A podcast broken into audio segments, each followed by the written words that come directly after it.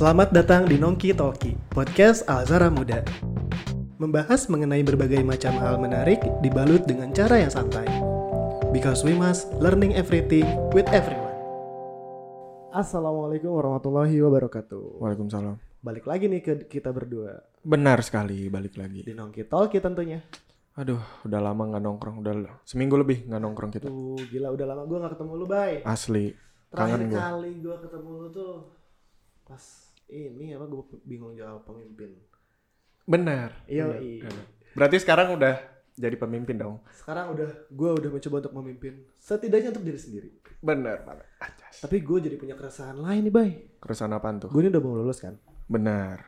Nah ketika gue udah mau lulus tuh timbul pertanyaan-pertanyaan dari orang tua dan lingkungan sekitar nih.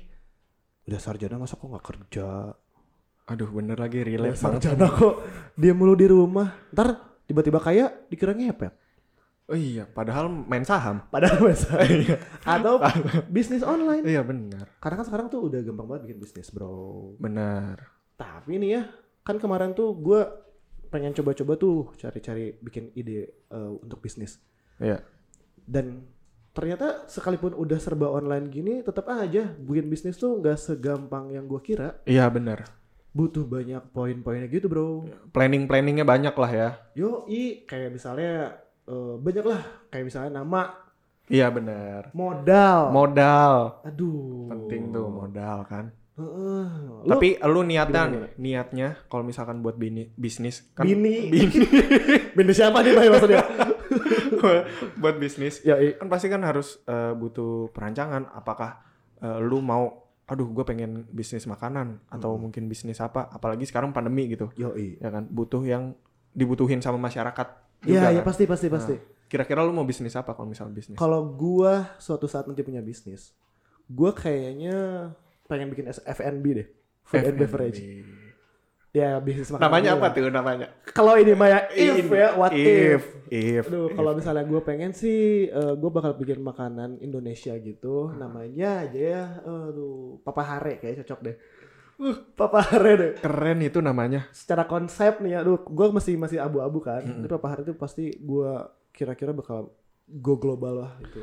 Bener gue setuju banget apalagi bentuknya kayak rice box gitu gue setuju banget kalau bentuknya rice box Apalagi tuh isi-isinya tuh makanan-makanan Indonesia kan. Heeh, apalagi sekarang ya belum pernah ada makanan yang eh, kualitas timunnya tuh bagus. Lalapannya tuh kualitas lalapan, tuh. Lalapan bener. Aduh, tapi ya udahlah ya. Itu Iya. kan seandainya. Seandainya, seandainya. Tapi sebelum kita ke sana, kalau bener-bener gue pengen mewujudkan itu, Iya. lu punya teman gak sih buat bantuin gue gitu? Gua ada temen, temen kuliah gua. Sekarang dia belum official lulus, tapi udah mau lulus. Tapi udah punya usaha. Pas banget tuh, Bay, buat Udah punya usaha. gue. Dan gue juga belum tahu nih, maksudnya sebesar apa sih usaha dia dan eh, udah berkembang sepesat apa gitu. Karena gue cuman cuman lewat-lewat doang. Nah sekarang gue ajak nih biar kita bisa ngobrol bareng. Telepon coba ajak ke sini lah, Bay, nongkrong bareng sama kita. An. Halo, Bayu. Eh, halo. iya. kan ini udah masuk. ini udah masuk. Udah masuk. Nah, itu dia orangnya, Bro. Ajak masuk, ajak masuk. masuk. iya.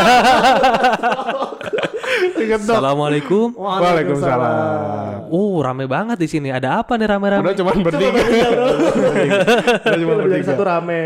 Oh iya benar, lebih dari satu rame. Sekalipun lagi nongkrong gini, kita tetap uh, mematuhi protokol kesehatan. Ya Benar. nggak? Oh iya betul sekali. Kita Jarak, tadi di jarak, sini berjarak. dari jauh juga udah dicek suhu. cek suhu. Benar. Terus kalau misalnya agak-agak demam atau gimana, prefer mending gak usah datang. Betul, betul, betul, betul, betul. Kita support pemerintah dalam menuntaskan pandemi. Benar Iya. banget. An. Jadi, ah, Nih. sok.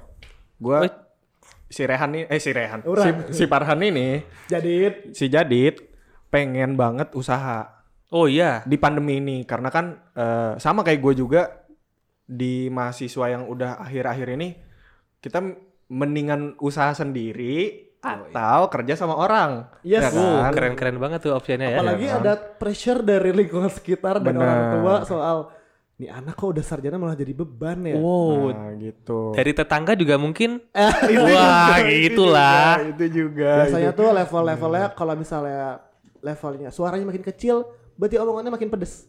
Oh. Makin di kuping doang tuh. Tahu nggak sih? Nah, udah gitu tuh. Gimana? Kan lu tadi katanya bikin bisnis tuh. Oh ya? Lu eh gue pengen tahu sih gimana cara bisnis yang menurut lu paling bener deh. Wih, paling bener. Jadi ya sebenarnya bisnis tuh it's simple gitu kan. Oke. Banyak banget orang yang mungkin jauh sebelum saya mulai bisnis ada yang udah mulai bisnis. Bahkan banyak juga dari kita yang udah punya privilege gitu kan. Kan kalau di sosial media kita buka Instagram banyak tuh yang caption membicarakan bahwa wah kita nggak bisa bisnis sih kalau nggak punya A B C D modal, Iya, benar. kemudian mentor, kemudian gua tuh nggak terlahir dari orang tua yang kaya. Nah itu kan menja- menjadi kita insecure banget gitu kan. Iya. Padahal secara simpel tuh bisnis yang bagus adalah bisnis yang dimulai, betul? Betul. Betul sekali.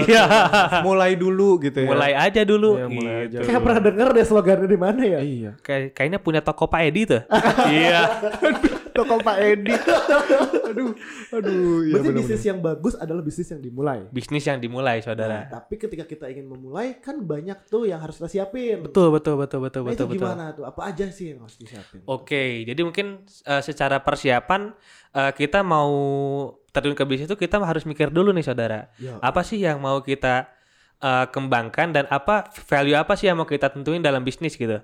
Contoh dalam bisnis itu kita misal eh, melihat suatu permasalahan kayak sebelumnya kalau kita lihat dari perusahaan Gojek, Gojek kan dia eh, mendeliver masalah bahwasannya banyak banget sih yang di antara kita tuh ribet banget untuk mau ke rumah terus ke depan Iya. nggak ada kendaraan yang bisa nganterin kita untuk Oh, iya, datang iya. ke tempat tersebut gitu kan. Iya.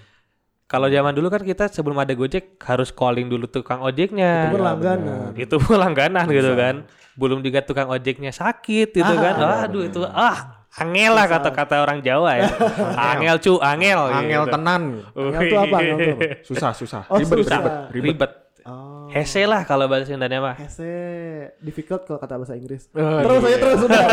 Oh, bahasa Prancis apa ya? nah jadi eh, kalau di bisnis itu secara simpel untuk di awal kita hanya perlu mempertimbangkan dua hal. Satu. Nah, yang pertama tuh adalah eh, operasionalnya bagaimana, Oke. kemudian yang kedua adalah marketingnya. Operasional dan marketing ya sobat. Betul.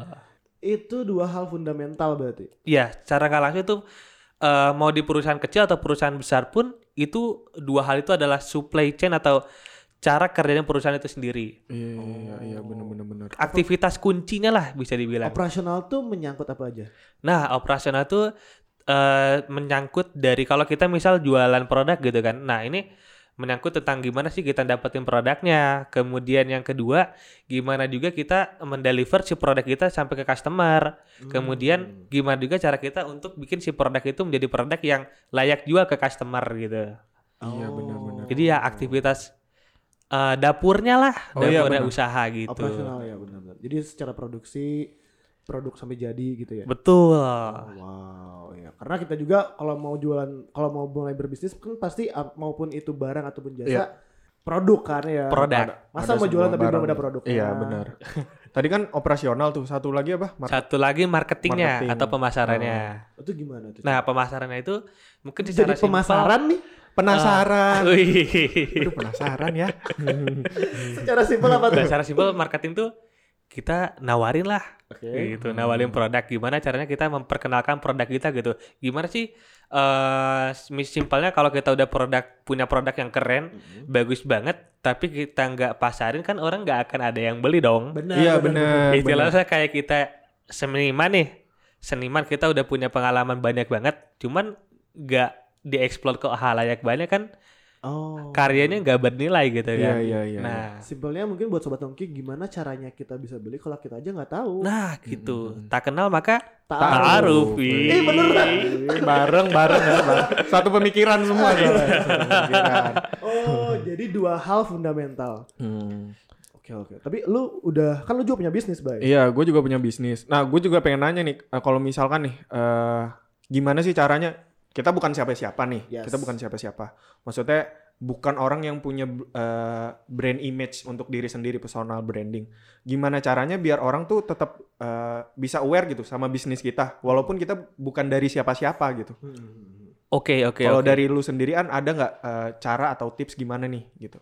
biar orang tuh tahu oh ada brand ini oh ada produk ini toh gitu Hmm, Marketingnya oke. berarti. Ya, marketingnya Iya, gitu ya berarti. marketingnya gitu Eh, Mungkin eh, sebelum ke marketingnya, eh, kita harus meng, apa ya berhasil menemukan identitas diri kita gitu. Kita ini sebagai apa sih agar kita bisa dikenal halayak banyak gitu kan? Nah itu mungkin Iya. eh, kita pelajari dalam hal market research. Market Oh, research. nah, market market research itu adalah kegiatan yang di mana hal ini tuh adalah fundamental untuk kita lanjut ke next step lah. Iya. Next step itu dikatakan marketing. Iya. Nah, aktivitas dalam market research ini ada banyak banget, saudara. Ada banyak banget dan harus kita bisa temukan secara mendetail. Oke. Nah, kegiatan market research ini ditujukan untuk agar kita dapat menemukan eh, cara terbaik untuk bisa eh, memperkenalkan ide atau karya kita kepada halayak gitu. iya Nah, di market research sendiri em, kita ini ada beberapa tahapan. Ada beberapa tahapan mulai dari kita pengen jualan itu kan suatu hal Ya, yang iya Langkahnya benar ya. langkah langkah awal lah Iya, ya langkah kita pengen awal. jualan nih. Heeh. Kemudian setelah kita pengen jualan eh, kita pasti bingung nih mau jualan apa ya. Ya, lanjut ke tahap berikutnya. Iya, nah, benar. mau jualan apa ya? Kemudian muncul lagi pertanyaan, oh kayaknya jualan ini bisa nih. Nah, kemudian eh, setelah kita dapetin produknya, misal sepatu, kita nentuin pasarnya tuh. Oke, kita mau ke oke. pasar yang gimana? Ada tiga jenis pasar. Oh, gitu. pasar menengah ke bawah, Hmm. pasar menengah sama menengah ke atas. Oke. Nah, di pasar itu ada beberapa identitas customernya juga. Nah, kita harus berhasil mengidentifikasi kayak kita nargetin gendernya apa sih? Sepatu kita buat laki-laki atau perempuan? iya iya iya Kalau misalnya kita ada di semua gender, Oh, mungkin berarti sih maksudnya kayak unisex kan sekarang udah Oh banyak. ya, bisa-bisa aja. Berarti harus si produknya tuh yang bisa dipakai sama laki-laki dan perempuan gitu. Itu tergantung si produknya aja. Oke, oke. Nah, kemudian setelah kita nemuin itu, kita juga harus minimal setelah gender, usia, kan beda usia beda beda dong seleranya. Ya kali selera bapak gua disamain sama selera kita. iya. iya iya benar benar Oh, Ukurannya iya. aja mungkin beda kan. Pasti, ya, nah, pasti. warna favoritnya juga beda kan. Iya. Nah, kemudian setelah eh, gender, eh, kelamin, usia, yang paling penting adalah kebiasaan. kebiasaan. Nah, maksudnya tuh apa tuh? Nah, kebiasaan itu kan berpengaruh banget sama fungsi dari sepatunya itu sendiri. Kita kan nggak bisa Oh. nyamain eh, si produk sepatu ini Mm-mm. dengan misal nih orang yang suka olahraga Mm. sama orang yang beli sepatu buat jalan-jalan. iya Oh iya iya. iya iya Iya kan? Ada sepatu running sama sepatu buat kerja atau sepatu buat santai. Ya, betul. Casual ya? Nah, casual. Nah, setelah kita kumpulkan semua itu, itu menjadi satu informasi yang tepat sebelum kita masuk ke marketingnya. Iya, Artinya, benar. eh, kita udah punya customer profile-nya kita dari si produk itu. Hmm, hmm, hmm. Gitu. Iya iya. Soalnya ya gue juga pas si Rehan ngejelasin Mm-mm. eh, di kuliah gue, gue belajar itu semua. Oh, Eh, lu kuliah belajar apa, Bay? Advertising. Asik banget. Keren kan? Jadi semua materi tadi tuh ada di Bener, lu? ada bener. Jadi kalau misalkan disebut ya secara ilm- ilmunya gitu, Yoi. eh, kayak tadi gimana caranya nyari konsumennya kayak gimana, terus ya bisa disebut segmentasinya gitu kan. Oke. Kan segmentasi itu ya itu ada yang eh, secara geografisnya, secara tempatnya di mana, secara umur di mana, secara eh, apa namanya kelas-kelasnya menengah atas atau bawah juga gimana. Terus kalau misalkan tadi yang Rehan bilang, eh misalkan kita tuh harus tahu nih eh, pembeda eh, kebiasaan-kebiasaan orang. Kalau misalkan di advertisingnya itu biasanya disebutnya consumer insight, Oh. consumer insight. Jadi eh, apa sih yang mereka pengen Heeh. ketika kita munculin produk ini. Nah, ketika apa ya, kita udah tahu nih, oh mereka pengennya gini. Oh, kayaknya kita bisa modif nih.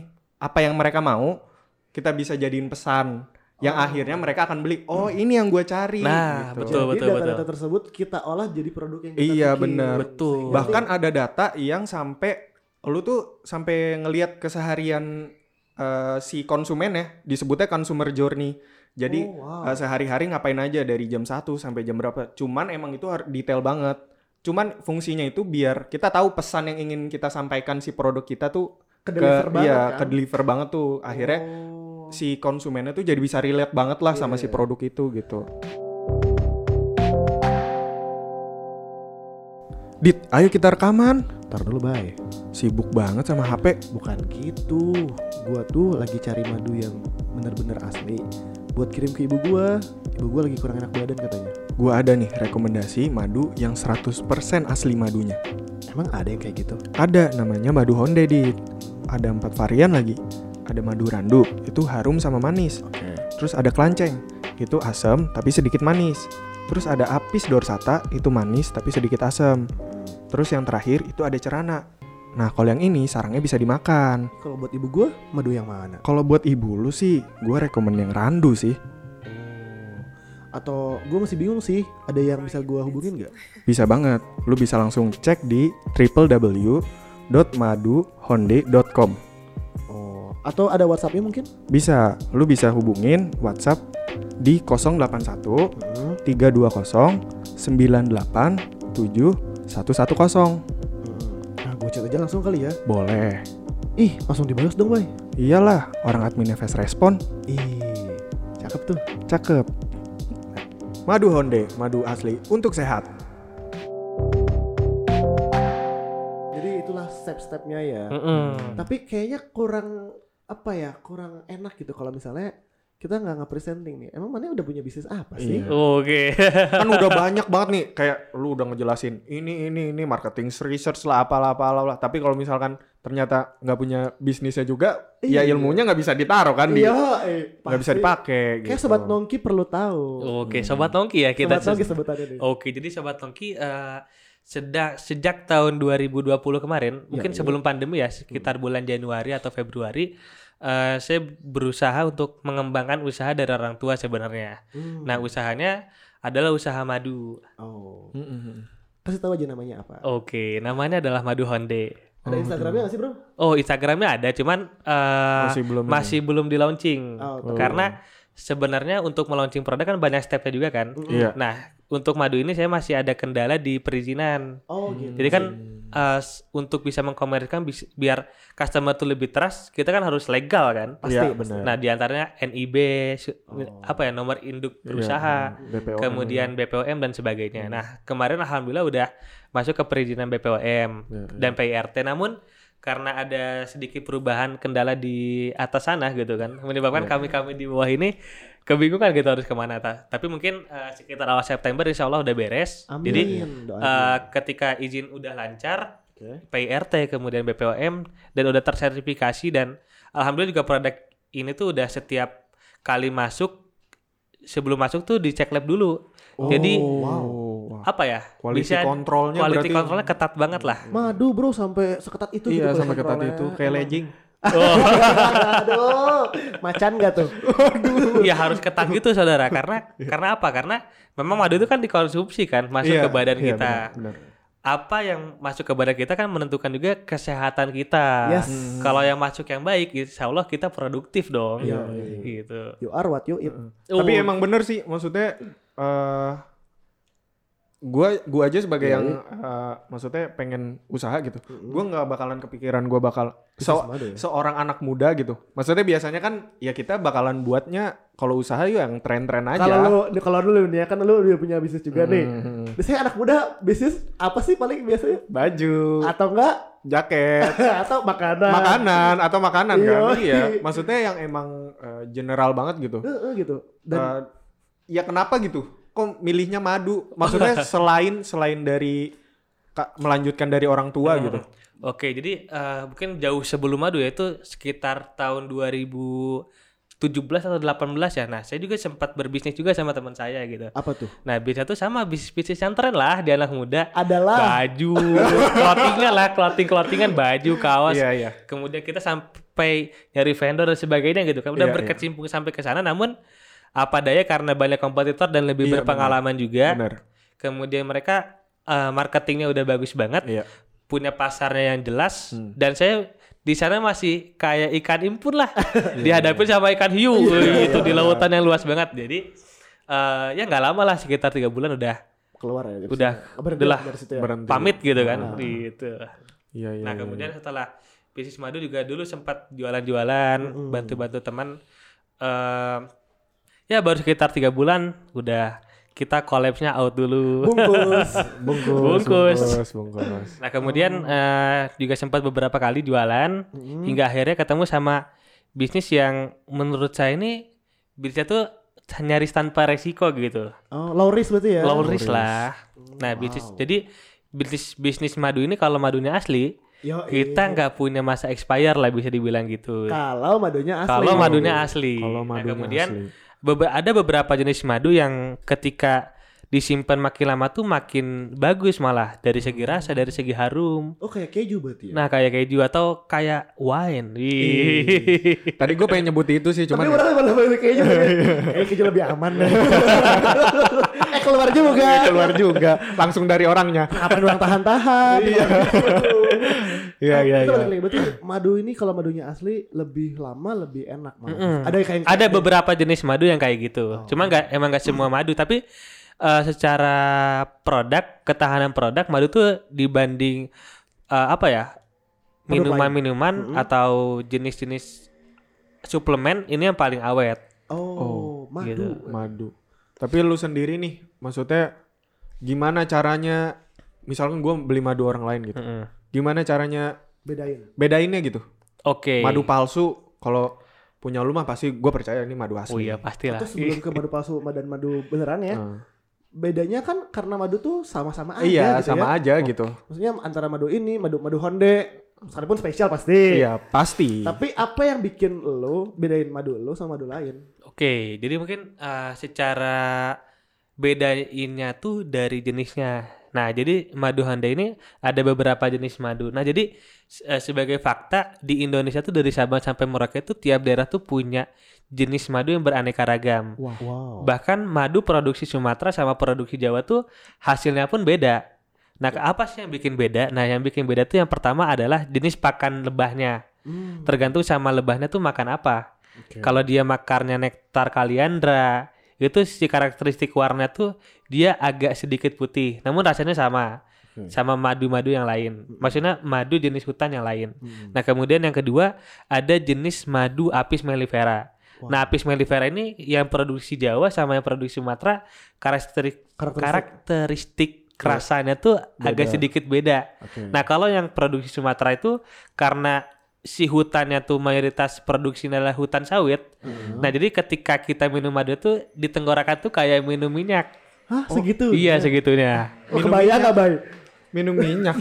Maksudnya rasanya atau Iya, jadi tekstur dari Tekstur madunya? dari madunya. Kalau rasanya ma- rasanya manis sama kayak madu pada umumnya. Oh, tapi mungkin lebih licin gitu ada minyak. Iya, lebih licin gitu. Nah, kemudian kalau apis mellifera yang produksi Jawa, ini rasanya kayak madu apis dorsata. Kalau madu Hondi ini yang madu orang itu Namanya namanya, tuh- apis dorsata. Namanya pusing banget. Namanya pusing banget. Nah, kenapa Sumpah. kenapa sih milih madu hutan? Yo, kenapa? Dan tuh? kenapa seberani itu kita jual di madu hutan? Karena yang pertama dari segi rasa enak. Mm-mm. Kemudian madu hutan itu adalah madu yang nyaris sulit di apa ya rasanya tuh sulit dimodifikasi sama zat-zat yang lain. rasanya sulit dimodifikasi, maksudnya dirubah. gitu Iya, gimana? sulit dirubah atau sulit disamain lah sama madu palsu sekalipun. Oh. Nah. gitu. Jadi eh madu apis dorsata ini dari segi rasa tuh ada sedikit asamnya. Oh, gitu. Bit apa bukan bitter ya? Iya, ya. acidity-nya. Iya, sedikit adalah rasa Oh, asamnya. iya. Nah, kemudian kalau apis mellifera rasanya manis, Ah. namun nggak semanis madu yang biasa, nggak semanis madu apis dorsata ini. Iya, Nah, kemudian ada jenis ketiga yang saya ketahui ada jenis madu randu. Madu randu. Madu randu. Nah, madu randu itu spesial banget. Kenapa spesial? Dari satu tahun masa panen, Yoi. madu ini cuma satu kali panen dan Wah. panennya tuh terbatas waktunya, cuma dua bulan. Emang madu-madu yang lain tuh bisa lebih sering? Madu-madu yang lain tuh lebih sering madu apis dorsata tuh bisa satu tahun tuh dia produksi madu 8 bulan. Sekali produksi tuh dia cuma makan waktu dua minggu untuk panen. Wah, Dua sampai empat minggu untuk panen. Berarti madu yang tadi tuh langka banget dong. Langka banget. Tapi ada yang lebih langka lagi. Apa? Yang lebih langka lagi tuh Keadilan ya. Oh. Apa yang lebih langka? yang lebih langka tuh jenis madu kelanceng atau Kelajeng. eh, Trigona SPP. Oh, Iya, Trigona. iya, Nah, Ini orang aja yang di pertanian aja itu nama-namanya masih asing buat orang. Nama-nama biologis gitu ya. nah jadi madu Trigona ini adalah madu yang kecil, kayak lalat. Maksudnya madu yang kecil. Jadi Lebahnya gitu. lebahnya tuh ya Oh. ukuran lebahnya paling kecil di antara lebah-lebah yang lain. Oh. Nah, jadi si madu uh, trigona ini bisa diternakin. Mm-mm. Karena dengan karakteristik yang dia apa ya, nggak menyerang manusia. Mm-mm. Kemudian dari segi perawatannya pun kita mudah karena kita bisa nyaman berinteraksi dengan madunya, dengan lebahnya sorry. Iya, iya. Nah kalau lebah apis dorsata ini atau lebah hutan ini, Mm-mm. konon katanya kalau kita disengat 60 sengatan tuh bikin nyawa kita terbang. Kalau cuma 59? Eh, gua, gua eh, intermezzo dikit, gua intermezzo dikit. Pro, misal tawon tuh bukan bukan termasuk Tawon yang- tuh yang bukan lebah. Tapi ya? ada madunya juga gak sih? Kalau dari madunya sendiri nggak ada, hampir mungkin ada beberapa yang ngasilin madu dan bahkan tawon pun ada yang sengaja diternakin sama petani gitu loh. Buat jadi Jadi susu alami? si tawonnya tuh dipelihara, kemudian ketika udah gede tuh kayak diolah jadi gorengan. Jadi bisa digoreng, kemudian si Oh. sarangnya itu sendiri tuh bisa diolah lagi jadi bahan kosmetik. Oh, Gitu, wow. dari tawon. Tapi ngomongin soal sarang tuh, ini ada pertanyaan nih. Sarang, sarang apa yang banyak di Korea? Sarangeo.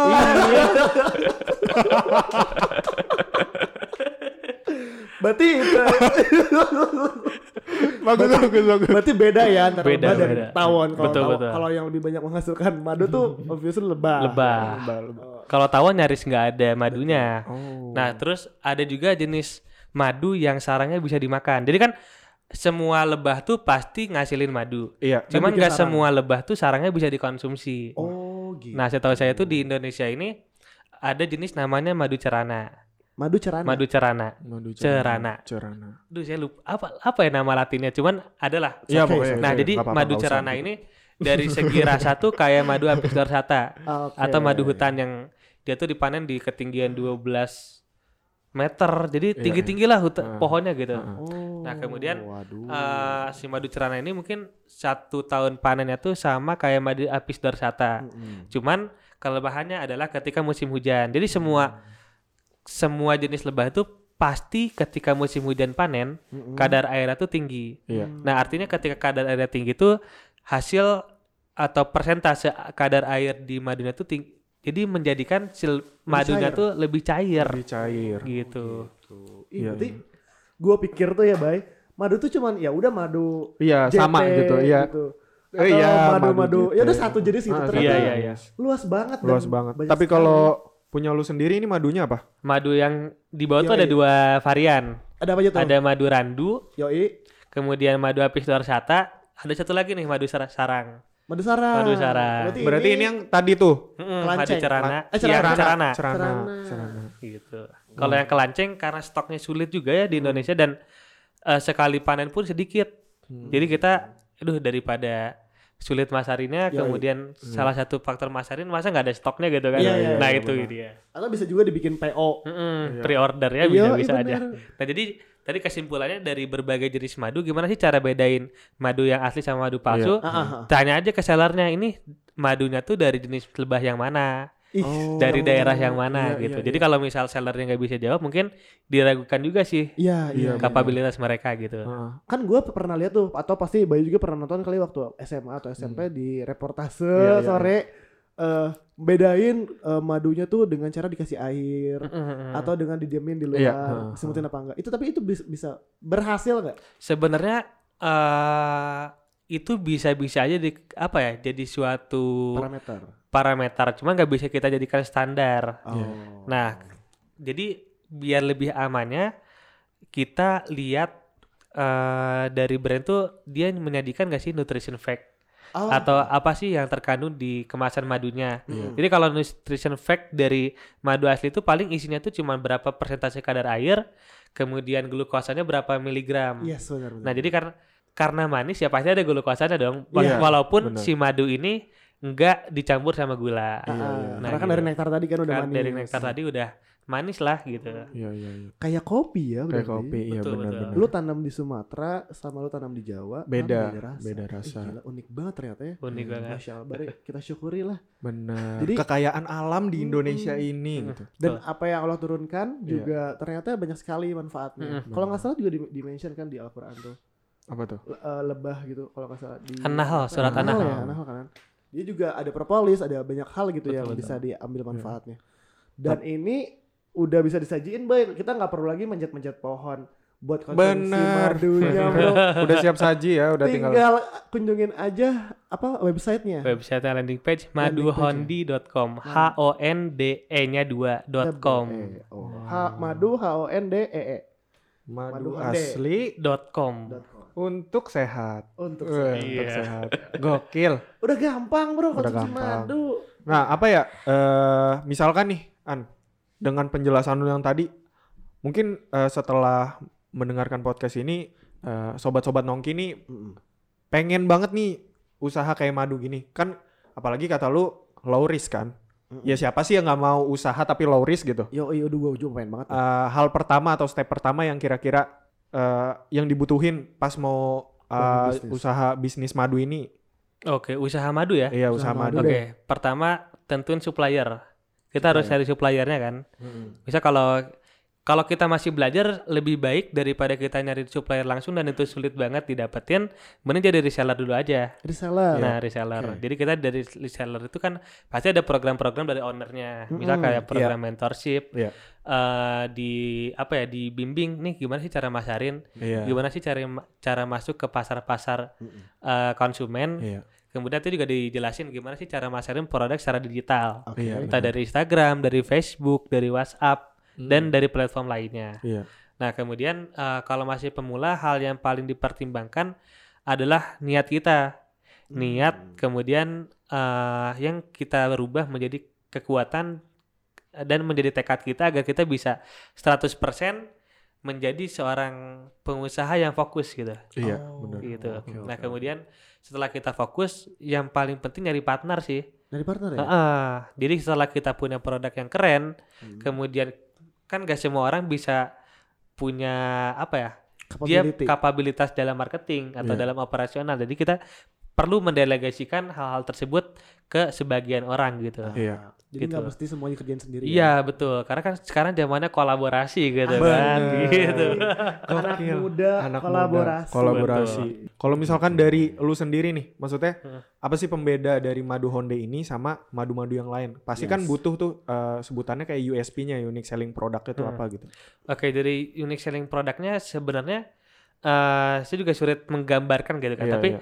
kalau dari sisi brand Madu Handi ini kita menyediakan berbagai macam varian produk. oke Nah, yang pertama kayak tadi ada madu randu, kemudian ada madu apis dorsata, ada madu cerana. Nah, itu yang kita tawarkan agar kit- konsumen tuh bisa merasakan sensasi apa sih bedanya dari madu-madu ini gitu kan. Iya, iya, iya. Nah, iya. kemudian yang kedua dari sisi pelayanan kita eh, sedia call center. Jadi kalau misalnya ada tanya-tanya bisa via WhatsApp atau dari Instagram. Hmm. Nah, itu silakan konsumen untuk nanya-nanya dulu produknya kayak gimana, kemudian cara panen madunya kayak gimana dan berbagai hal yang mungkin bisa meyakinkan kita untuk bisa mengkonsumsi madu gitu. oh. Jadi kan istilahnya kita minum madu tuh karena pengen sehat kan. Iya, Yes. Nah, benar. banyak juga dari kita yang milih kayak ya udah deh asal murah aja. Ah, Iya. Kemudian ya udah deh asal ada madunya aja padahal belum tentu yang kita harapkan itu untuk sehat malah justru menjadi bumerang untuk kita gitu kan. Ah, ah, benar benar benar benar Benar. Waduh. Karena gue juga dulu pas awal kuliah ya, mungkin karena orang tua gue rada khawatir gitu sama gue, akhirnya dibawain madu. Tapi madu yang sasetan tau gak yang yang madu rasa iya madu rasa gitu. ih sama lu gue punya fun fact tuh buat soal madu rasa tuh terus sama madu yang ya kayak gini, madu si JT, madu, Madu JT, JT. ah, Madu JT. Oh. Jotos. Aduh, madu jontos. Aduh. Ya kayak gitu maksudnya Iya, sampai iya, iya. nah gu- eh, gua nggak tahu tuh apakah itu eh, berhasiat untuk gua Mm-mm. karena lama-lama gue juga bosan gitu. Karena Iya ya ya udah rasanya gitu-gitu aja. aja. gitu aja gitu. Oh. Pas lu bilang ada pembedanya, gue jadi penasaran apa sih yang bikin beda gitu. Nah, gue udah pernah cobain sih bay madunya Honda madunya si Iya. komis ini madunya siapa aduh komis lagi Ini nama panggilan ya madunya Rehan nih Iya iya. jadi waktu pertama kali gue coba juga kan dapat tuh dijelasin juga tuh sama Iya, Rehan heeh. itu madunya dipanen kayak segala macam gitu proses produksinya Iya, lah iya. istilahnya dapurnya dan awalnya gue wah eh, takjub tuh sama prosesnya. Hmm. gue kira kan kayak lu tadi tuh. Iya iya. dan tapi setelah gue coba ih bener banget tau. Rasanya tuh kayak banget. Dan eh, apa ya mana kan eh, misalnya lo eh, udah nonton udah campur-campur lagi bahasa. Yang asalnya lo cuma nonton doang di reportase gitu ya. Iya. dan ketika lo nyobain madu Honda tuh kerasa banget ah, ini pasti madu asli deh. Itu tuh kerasa banget gitu Duh, better lu cobain deh langsung deh kalau gitu. Apalagi ya gue pengen banget nyobain honeycombnya. Maksudnya si sarangnya itu. Karena gue ngeliat kalau misalkan di... Sarang yuk. Waduh. tapi Apa, apa? tapi bener gue ngeliatnya di Korea. Itu Jadi kayak- makan sarang-sarang gitu. Ya, eh, sambil sarangeo. Udah. Jadi pas gua pas gua lihat kok kayaknya enak banget gitu pas dimakan krenyes gitu loh. Cuy. Iya cuy gitu. Eh maksudnya Kayak bubble gum. iya kayak bubble gum gitu gitu. Kayaknya enak gitu. Lu juga punya kan produk itu kan? Oh ya ada dong, itu madu carana. Madu carana. Udah bisa dibeli belum kalau yang oh, itu? bisa banget. Tapi eh, untuk sementara kita lagi nerima di luar kota, di dalam kota aja sih Oh, untuk madu sarangnya. Belum ada yang di ini apa namanya? Itu teh. Ekspedisi keluar kota. Ekspedisi gitu. keluar kota. Tapi bakal kok nanti. Bakal insya Allah Allah. bakal. Eh Jadi eh, untuk kemasan yang kecil itu itu kemasan 150 gram. Jadi kita makainya gram. Oh gram. Nah, nah kemudian ada yang botolan ukuran sedang, ukuran 350 gram, sama yang paling gede tuh yang big size yang premium banget ukuran 700 gram. Buat boleh tuh buat yang besar tuh buat keluarga. Nah, Iya, iya, benar-benar. betul. anaknya. Tapi kalau misalnya sobat nongki pengen pengen lebih tahu nih soal madu hande bisa langsung aja Ke- cari di link page-nya. ya? Iya, landing page, Landing landing, page-nya. page-nya atau di Instagram aja nggak apa-apa. Instagramnya ya. Langsung nanya di situ boleh ya. Hmm. Aduh, gue jadi tahu nih apa yang harus gue lakukan sekarang kalau Iya, misalnya gue pengen mulai bisnis. Heeh. Tapi pala gue udah mumet banget bro. Benar, Gua butuh benar. refreshing. Butuh refreshing gitu kan. Dengar kata-kata biologis tadi gitu. Iya. Aduh, ada carana SP SP. Aduh. Sekarang aja gue lupa loh. Sumpah. gue lupa loh. Gue lupa loh. gue Gua cuma ingat beberapa. Gimana sih, Bay? Daripada ini biar biar apa ya, sobat nongki juga ikutan happy, Bener. langsung aja ke games. Oh, ada gamesnya ya? Ada dong. Tok, Namanya tok, apa sih, wow. Bay? Namanya JFS. Jawaban versi saya. JFS. JFS. JFS. JFS. JFS. Jawaban versi saya. Jawaban versi kamu mana? Mana ya? Makanya dicari. Yuk kita cari. Ayo. Oke, oke. Jawaban versi saya. Adalah. Nah. Wah. Jadi Ambil. ini caranya, udah tahu tapi caranya? Oh, gimana caranya? Nah, caranya itu tinggal eh, lu ambil Tinggal lep. Aduh, aduh bukan. bukan. JFS. Ada ringtone-nya dari JFS. Aduh, ditambahin. Aduh. Kocak bener. Nah, ini caranya gampang. Lu tinggal ambil aja satu-satu. Jadi ntar dikocok aja dulu. Terus ambil eh, si gulungannya, lu bacain. Ntar setiap kali lu mau jawab, sebutin dulu jawaban versi saya. Oke. Lalu lu jawab. Langsung mulai aja dah. Langsung, Langsung mulai aja? Langsung mulai. Ambil satu. Cokot cokot cokot cokot. Pertanyaannya cokot, bakalan cokot, random cokot, banget. Gila ini. Enggak cuma tentang bisnis, tentang hidup lu. Oke, dapat nih. Oh. Nih dibuka dibacain ya Baca, pertanyaan baca. dulu ya berarti. Dibuka, diputar. Dijilat. Hmm. Diputar lagi nih. Oh, diputar lagi. Balik. Kok balik? Tuhan. Ah, gimmick aja. Pertanyaannya adalah Eh. seberapa unik pertemananmu? Ah, tuh. Jawaban versi saya Ah. adalah Iya. oke. Jadi eh, seberapa unik pertemananmu? Jadi di makin atas ini ya. Jadi kerasa dari dulu sampai sekarang tuh makin tua tuh kayak kita makin lebih selektif milih teman gitu kan. Bener. Jadi Circle ya. mm, antara circle yang pasti ketika kita masuk ke circle tersebut harus dipastikan kalau saya pribadi masuk ke circle tersebut saya harus bisa berperan. Jadi misal kayak misal kalau kita masuk ke tongkrongan pasti oh gua harus punya peran ini nih.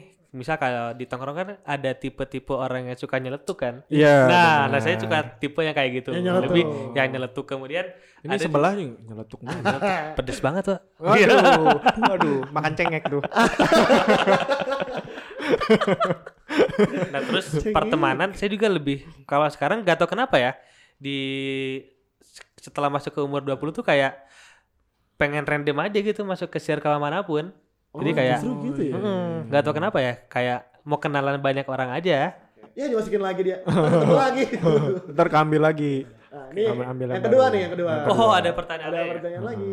Cokot cokot cokot cokot cokot cok dapat. Dapat. Dibuka. Aduh, oh, langsung nggak usah diputar nih. nggak usah diputar. Dia ulang. Nggak usah. Siapa sosok pengusaha yang kamu kagumi? Wah. Sebagai seorang yang sudah melakukan di bisnis gitu, pasti lu punya tokoh lah. Tokoh. Oke, jawaban versi saya Cakep. adalah Sandiaga Uno. Wah. Waduh, itu juga respect sih. Iya, respect. Itu Kenapa tuh? Kenapa? Sandiaga. Bukan karena 2019 ya, Ah, tapi Sandiaga Uno nih kenapa ya? Karena Agak susah ya. saya tuh suka sama perjuangannya gitu. Iya. Bukan karena eh, dia setelah jadi orang kaya, cuman ketika dia merintis usaha ketika di tahun 98, dia- dia kan selalu bercerita kisah ketika susah gitu kan, ketika Iya. di PHK, kemudian ketika membangun usahanya kembali, membangunkan image hingga sekarang bisa membuka lapangan seluas-luasnya dan yang paling unik dari Sandiaga Uno ini ketika dia berdialog itu kayak oh ini ada teorinya gitu loh. Oh caranya gini loh ketika kita memaintain bisnis. Perjuangan juga inspiratif kan. Dia pernah berkecimpung explore banget orangnya kan. Pernah study di Amerika kemudian pernah juga bisnis juga pasti yang namanya orang bisnis kan relasinya banyak gitu kan. Nah, saya pengen jadi seorang pengusaha yang punya relasi banyak. Jadi dari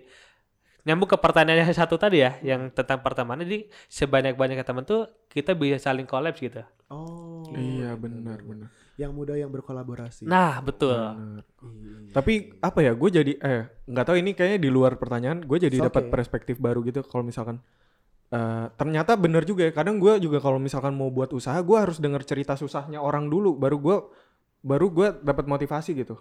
Kayak misalkan eh gue usaha baju, gue tuh paling susah nyari gimana struggle-nya orang lain udah sampai gede. Oh. Kadang eh, lu suka, eh, suka pernah ini gak sih? Misalkan gue pengen baju, gue nih ada nih satu orang yang eh gue kagumin. Misalkan namanya Mohanzian, dia yang buat Tanksomnia. Terus gue, terus tuh gue nyari gimana sih eh, struggle-nya dia tuh di bawah. Gue tuh cuman denger permukaan kayak misalkan eh, dia tuh dulunya cuman orang orang gudang doang. Terus dia resign dari distro, abis itu dia buat baju sendiri dan udah gede sekarang Hmm. segede sekarang gitu dan susah banget nyari apa ya cerita orang lain tuh struggle-nya kayak gimana karena jarang banget ada orang yang secara detail Ngasih eh, tahu ke eh, publik ngasih ya. tahu Mm. eh, struggle-nya dia tuh dari bawah ke atas tuh gimana gitu Ih. karena butuh motivasi gitu kadang kalau misalkan gimana sih kok dia bisa gitu kali aja bisa di ada beberapa hal yang bisa jadi pelajaran sama motivasi walaupun gak semua apa yang mereka udah eh, jalanin bisa diterapin ke kita cuman akhirnya jadi motivasi buat kita sendiri gitu Mm-mm. Hmm, betul betul betul betul.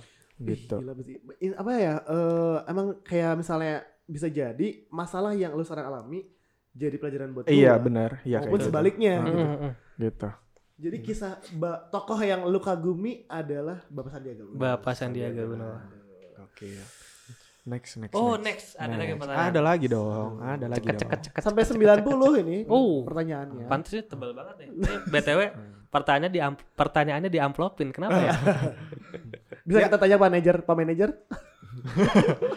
nanti salah minus satu bener nol Aduh kayak Oh. SBMPTN. SBMPTN. Udah bukan lagi. SBMPTN kayaknya minus satu kalau salah. Enggak sekarang namanya aja udah beda sekarang. Namanya udah beda, udah juga bubar, udah udah bubar. udah bubar namanya berubah tapi Namanya tetap sama rebranding kali ya. Oh iya. Orang bisnis ngomongnya gitu ya. Pertanyaannya apa? Pertanyaannya adalah apa yang kamu lakukan saat waktu luang? Kan lu orang yang bisnis pasti sibuk banget. Iya. Jarang punya waktu luang. Sehingga waktu luang tuh adalah sangat hal yang berharga. Mm-mm. Lu biasanya ngapain sih kalau kosong gitu? Oke, jadi eh, jawaban versi saya adalah Ya, asik.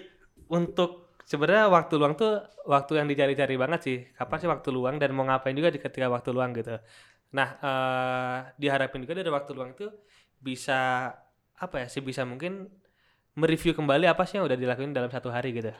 Sekaligus juga Iya. memplanning apa sih yang mau dilakuin di hari besok. Mm. Karena eh gue tuh tipe yang berpegang teguh sama omongan, sama janji gitu.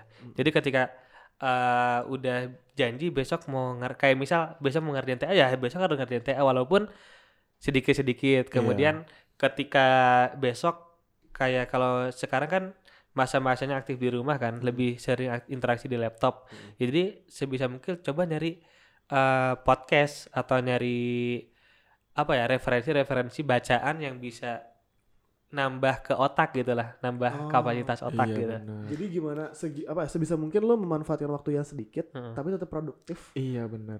dan lu juga bisa dibilang orang yang disiplin juga ya soal waktu ya ternyata. Wow. Ini sisi yang ternyata gue baru tahu nih. Iya benar-benar. Oh, Gitu. pantesan lu bisnisnya bagus. Mm-mm. Disiplin, Tapi boy. kuncinya tuh dari bisnis atau dari kita yang mau apa bisnis tuh harus banyak dapat inovasi sih. inovasi. ya? Nah, inovasi paling banyak tuh sebenarnya bukan dari buku, Tapi bukan dari ngobrol-ngobrol, tapi dari kita dari yang kita kerjain gitu. Jadi ketika kita kerja, misal kita lagi bikin lagi mikir nih mau bikin konten apa nih buat besok gitu kan. Kalau misal Hmm. pemasaran digital nah biasanya ketika Iya. kita sedang bingung atau sedang, sedang struggle kan pasti aduh nih mau ngapain ya Mm-mm. Pasti kadang ada yang nangis juga iya. kemudian ada yang Oh, Iya, ada iya. yang dia sambil megang pulpen dan sebagainya Iya, atau iya. ada yang orang biasa nulis jadi dia nggak tahu tiba-tiba ada kepikiran ya. Ya, ketulis aja. idenya gitu Banyak sih, Iya, iya, banyak juga sih penulis-penulis terkenal yang emang Wih, Kelas nih. Dua Dua, lagi. lagi. oh, oke Dua lagi. ya Gak kerasa ya udah 97 ya. cokot cokot cokot cokot cokot cokot Tadi kan katanya 90 doang pertanyaan. 100 mah. Oh, Naik dikit lah Pak. Modalnya nggak segitu. oke pertanyaannya balik. menarik nih Balik. tantangan saat menjadi entrepreneur Wih, Oke, pasti ini pasti, jawaban yang jawaban versi saya adalah pasti semua entrepreneur merasa kesulitan di awal adalah konsistensi. Konsistensi. Benar, konsistensi. benar. Biasanya orang ini bukan dia nggak tahu bukan dia nggak konsisten karena dia nggak tahu, bukan dia nggak konsisten karena dia nggak ada teman, cuman dari biasanya dari dirinya sendiri gitu Iya. dari diri sendiri dari kita mager dari kita apa ya gak mencatat sehingga lupa Iya. jadi mungkin kebiasaan-kebiasaan gitu memupuk memupuk deadline atau memupuk kegiatan hingga kita bisa menjadi buruk itu tapi intinya adalah tantangan yang paling besar adalah konsistensi gitu Iya, benar, benar. Konsistensi. Iya. Dan apa ya? Ketika lu mulai bisnis atau terjun di jadi entrepreneur tuh ada nggak sih pertanyaan kayak dari orang tua atau dari diri lu sendiri kayak misalnya mendingan jadi entrepreneur apa kerja di orang ya? betul oke di sisi lain kan pasti seorang entrepreneur apalagi entrepreneur yang masih usia usia lima eh 20 Iya, 20. Kelatuaan dong. usia ya usia kita lah Iya. lulus SMA atau lulus Kuliah. kuliah atau kuliah tingkat awal pasti ketika kita masih banyak keterbatasan kita masih insecure gitu kan Iya, benar. duh kayaknya modal gua kurang balik lagi Iya. ke modal Itu gitu kan banget. Duh kayak bingung lagi ketika malam nih mau tidur nih Iya. Aduh, duh mulai tuh. tadi kepikiran banyak hal tuh. Iya. ah pokoknya gitulah Iya, sulitnya iya, gitu Iya, benar-benar. Jadi tantangannya itu adalah Tantangannya. di konsistensi. Konsistensi. Dan butuh apa ya? Pengorbanan atau sacrifice yang lebih gitu. Pasti, Pasti kan? Heeh. Dan gua aja denger yang kayak misalkan eh, ceritanya Putri Tanjung Heeh, apa tuh? yang apa namanya? Dia tuh dari kecil udah ngi-in Ah, iya. Tahu nggak? Gue inget deh. eh, yang dia dari kecil udah belajar presentasi di orang tua tem eh, temennya yang Temennya. yang pengen pesta ulang Gue tahun. inget, gue inget. Dia, Dan iya tahu tahu. Kayak maksudnya maksud gua dari kecil udah bisa kayak gitu. Maksud gua kecil dulu nggak nggak nggak sejauh itu gitu. masih main Tamiya. Iya masih main Tamiya dan dia udah wah gokil juga gitu. Iya sih bener-bener. Jadi maksudnya nggak ada pertama nggak ada kata ter- buat terlambat. Eh nggak ada kata terlambat untuk Iya, memulai bener. sesuatu. betul betul Dan apa? tapi sebelum mulai sesuatu kita harus punya minimal punya Waduh. knowledge lah untuk Iya. bisa Oh, ngelakuin Ah, itu ah, Iya benar. Kalaupun kita nggak bisa masih banyak kok yang bisa kita cari gitu bisa dari YouTube Yes, benar. bisa dari teman kita yang misal udah mulai usaha lebih dulu Hmm. atau kita mungkin eh kalau misal jadi entrepreneur nih kita harus punya channel ke teman kita yang udah punya pengalaman di marketing Last question. oke last question ya Apa tuh? sip Eh, sip. waduh pertanyaannya adalah apa hal yang berubah dari kamu saat ini waduh. Hmm. Itu sih. People change, man. Oh, Wih, change. deh, people change. mungkin selama apa ya jawaban versi saya adalah Ya, bagus. mungkin selama pandemi kali ya selama Selama pandemi kan mungkin orang-orang juga berkeluh kesah aduh gara-gara covid dia juga bisa ABCD gitu kan Iya. nah apa yang berubah dari kamu saat ini mungkin karena lebih banyak waktu sendiri kan di pandemi ini lebih banyak waktu di rumah kemudian lebih banyak juga interaksi sama orang tua lebih mungkin yang berubah adalah kebiasaan kita memanajemen waktu Iya. Hmm. Nah, kalau saya pribadi eh, harus bikin jadwal harian di pandemi ini gitu. Hmm. Jadi misal hari ini mau ngerjain apa? Kayak kalau misalkan seorang mungkin teman-teman juga yang suka marketing, kan saya lebih tertarik di marketing ya sebenarnya. Iya. Lebih tertarik di marketing, saya cari materi-materi yang untuk bisa menunjang saya gitu. Iya. Mungkin teman-teman juga bisa akses sertifikasi gratis dari Facebook Benar. Ads. Iya, iya. Kemudian bisa juga di banyak kok pemateri-pemateri atau eh, marketing spesialis yang mereka tuh udah jago banget dari sisi periklanan baik dari digital ataupun secara offline gitu kan. Dan sebenarnya apalagi kita di Indonesia gitu kan. Di Indonesia tuh adalah negara yang punya potensi sumber daya yang luas banget, yang gede banget. Dan Indonesia tuh sedang menantikan peran-peran kalian semua, Iya. peran-peran kita untuk bisa memanajemen apa yang kita punya gitu. Iya, benar. Kita tuh sebenarnya dengan diri kita sendiri tuh kita udah bisa menghasilkan suatu hal. Iya, iya. Iya, oke. Ih, parahnya insightful Aduh, banget nih. Iya, parah, parah. Bro, untung lu undang teman lu ke tongkrongan ini, bro. Benar, Gue jadi gak lagi bingung soal Benar. gimana caranya gue bangun sebuah bisnis. Ah, ah, benar. Atau harus mulai dari mana nih? Karena kan stepnya tuh panjang. Panjang, panjang. Tapi ya itulah tangga untuk menuju kesuksesan, Iya coy. benar. Apalagi Dan- di pandemi kayak gini gitu. Maksudnya eh yang biasanya ya mungkin ya kalau misalkan nggak ada pandemi eh, Hmm. kita pi- pikir positifnya gitu. Kalau misalkan eh, nggak ada pandemi, mungkin pemikiran orang nggak bakalan sejauh ini tentang mungkin ya mungkin kan terpaksa gitu. Kita Yes. harus survive tapi secara secara nggak langsung ketika kita mikir oh, kita harus survive nih kita bener-bener apa ya pemikiran anak-anak muda sekarang tuh jadi lebih maju gitu kayaknya kita harus buat ini dulu misalkan mana ada saham yang Iya. maksudnya saham yang orang mana susah. aware gitu Heeh. mana aware gitu tentang saham tapi pas udah ada pandemi gini orang jadi kayak gua hidup gimana ya Iya, iya. mau iya. nggak mau kan gua harus ngerti banyak hal yang akhirnya jadi jalan keluar gitu Dalam waktu berapa? Dua tahun nih, dua tahun atau tiga Iya. tahun? Kebiasaan, kebiasaan itu bukan lagi kita berubah dengan sendiri, tapi dipaksa berubah oleh keadaan. benar Yang gua mention dari obrolannya eh, ko- eh, apa Rehan Rehan. barusan adalah entrepreneur itu berpikir ketika ada keluhan, dia berpikir solusi yang kreatif. iya Bedanya entrepreneur sama orang biasa ya di situ gitu. iya benar Dan pilihannya adalah balik lagi ke tadi. Lu mau apa enggak? mau apa enggak tuh Gila nih. Aduh, thank you banget Han udah Thank ngasih banget, Han. banyak masukan banget buat gua. Sukses banget, eh sukses terus buat, Buat madu, Madu Honde-nya. Iya, belum belum belum sukses ya. Ah, Nah, makanya semoga sukses terus Amin, amin, Semoga amin. sukses dan terus. dan terus dan terus. terus dan terus Eh, lu gak sibuk kan? Maksudnya ada kegiatan lain kan abis ini? Kalau untuk kegiatan lain sih alhamdulillah untuk hari ini udah kosong sih. Aduh, harusnya ada tuh. Karena Jadi cabut nanti. Gimiknya di situ. biar jalan keluar selesai gitu ya Oke oke ini oke. ya. Ulang ulang ulang ulang. ya. nggak di briefing tapi tiba-tiba dilempar gitu Rehan malah yang jujur. ya tapi ya gue terima kasih sama Rehan juga udah udah mau ngobrol kayak gini dan akhirnya ya itu tadi gue dapat banyak ini. karena ya kesimpulan satu lagi Yo, iya betul. Yang selalu dimention di podcast ini karena kita bisa belajar dari siapa pun bener Iyalah. gak? bener gak? Iya gak? Sobat Noki tuh karena karena kita tuh sesuai dengan tagline kita gitu because we must learning everything with everyone. gue Bayu Gue Jadit dan siapa? Rehan. Rehan pamit undur diri. Wassalamualaikum warahmatullahi wabarakatuh. Terima kasih. Thank you banget yang udah dengerin Sobat Nongki. Dah. Selamat datang di Nongki Talki, podcast Alzara Muda. Membahas mengenai berbagai macam hal menarik dibalut dengan cara yang santai. Because we must learning everything with everyone.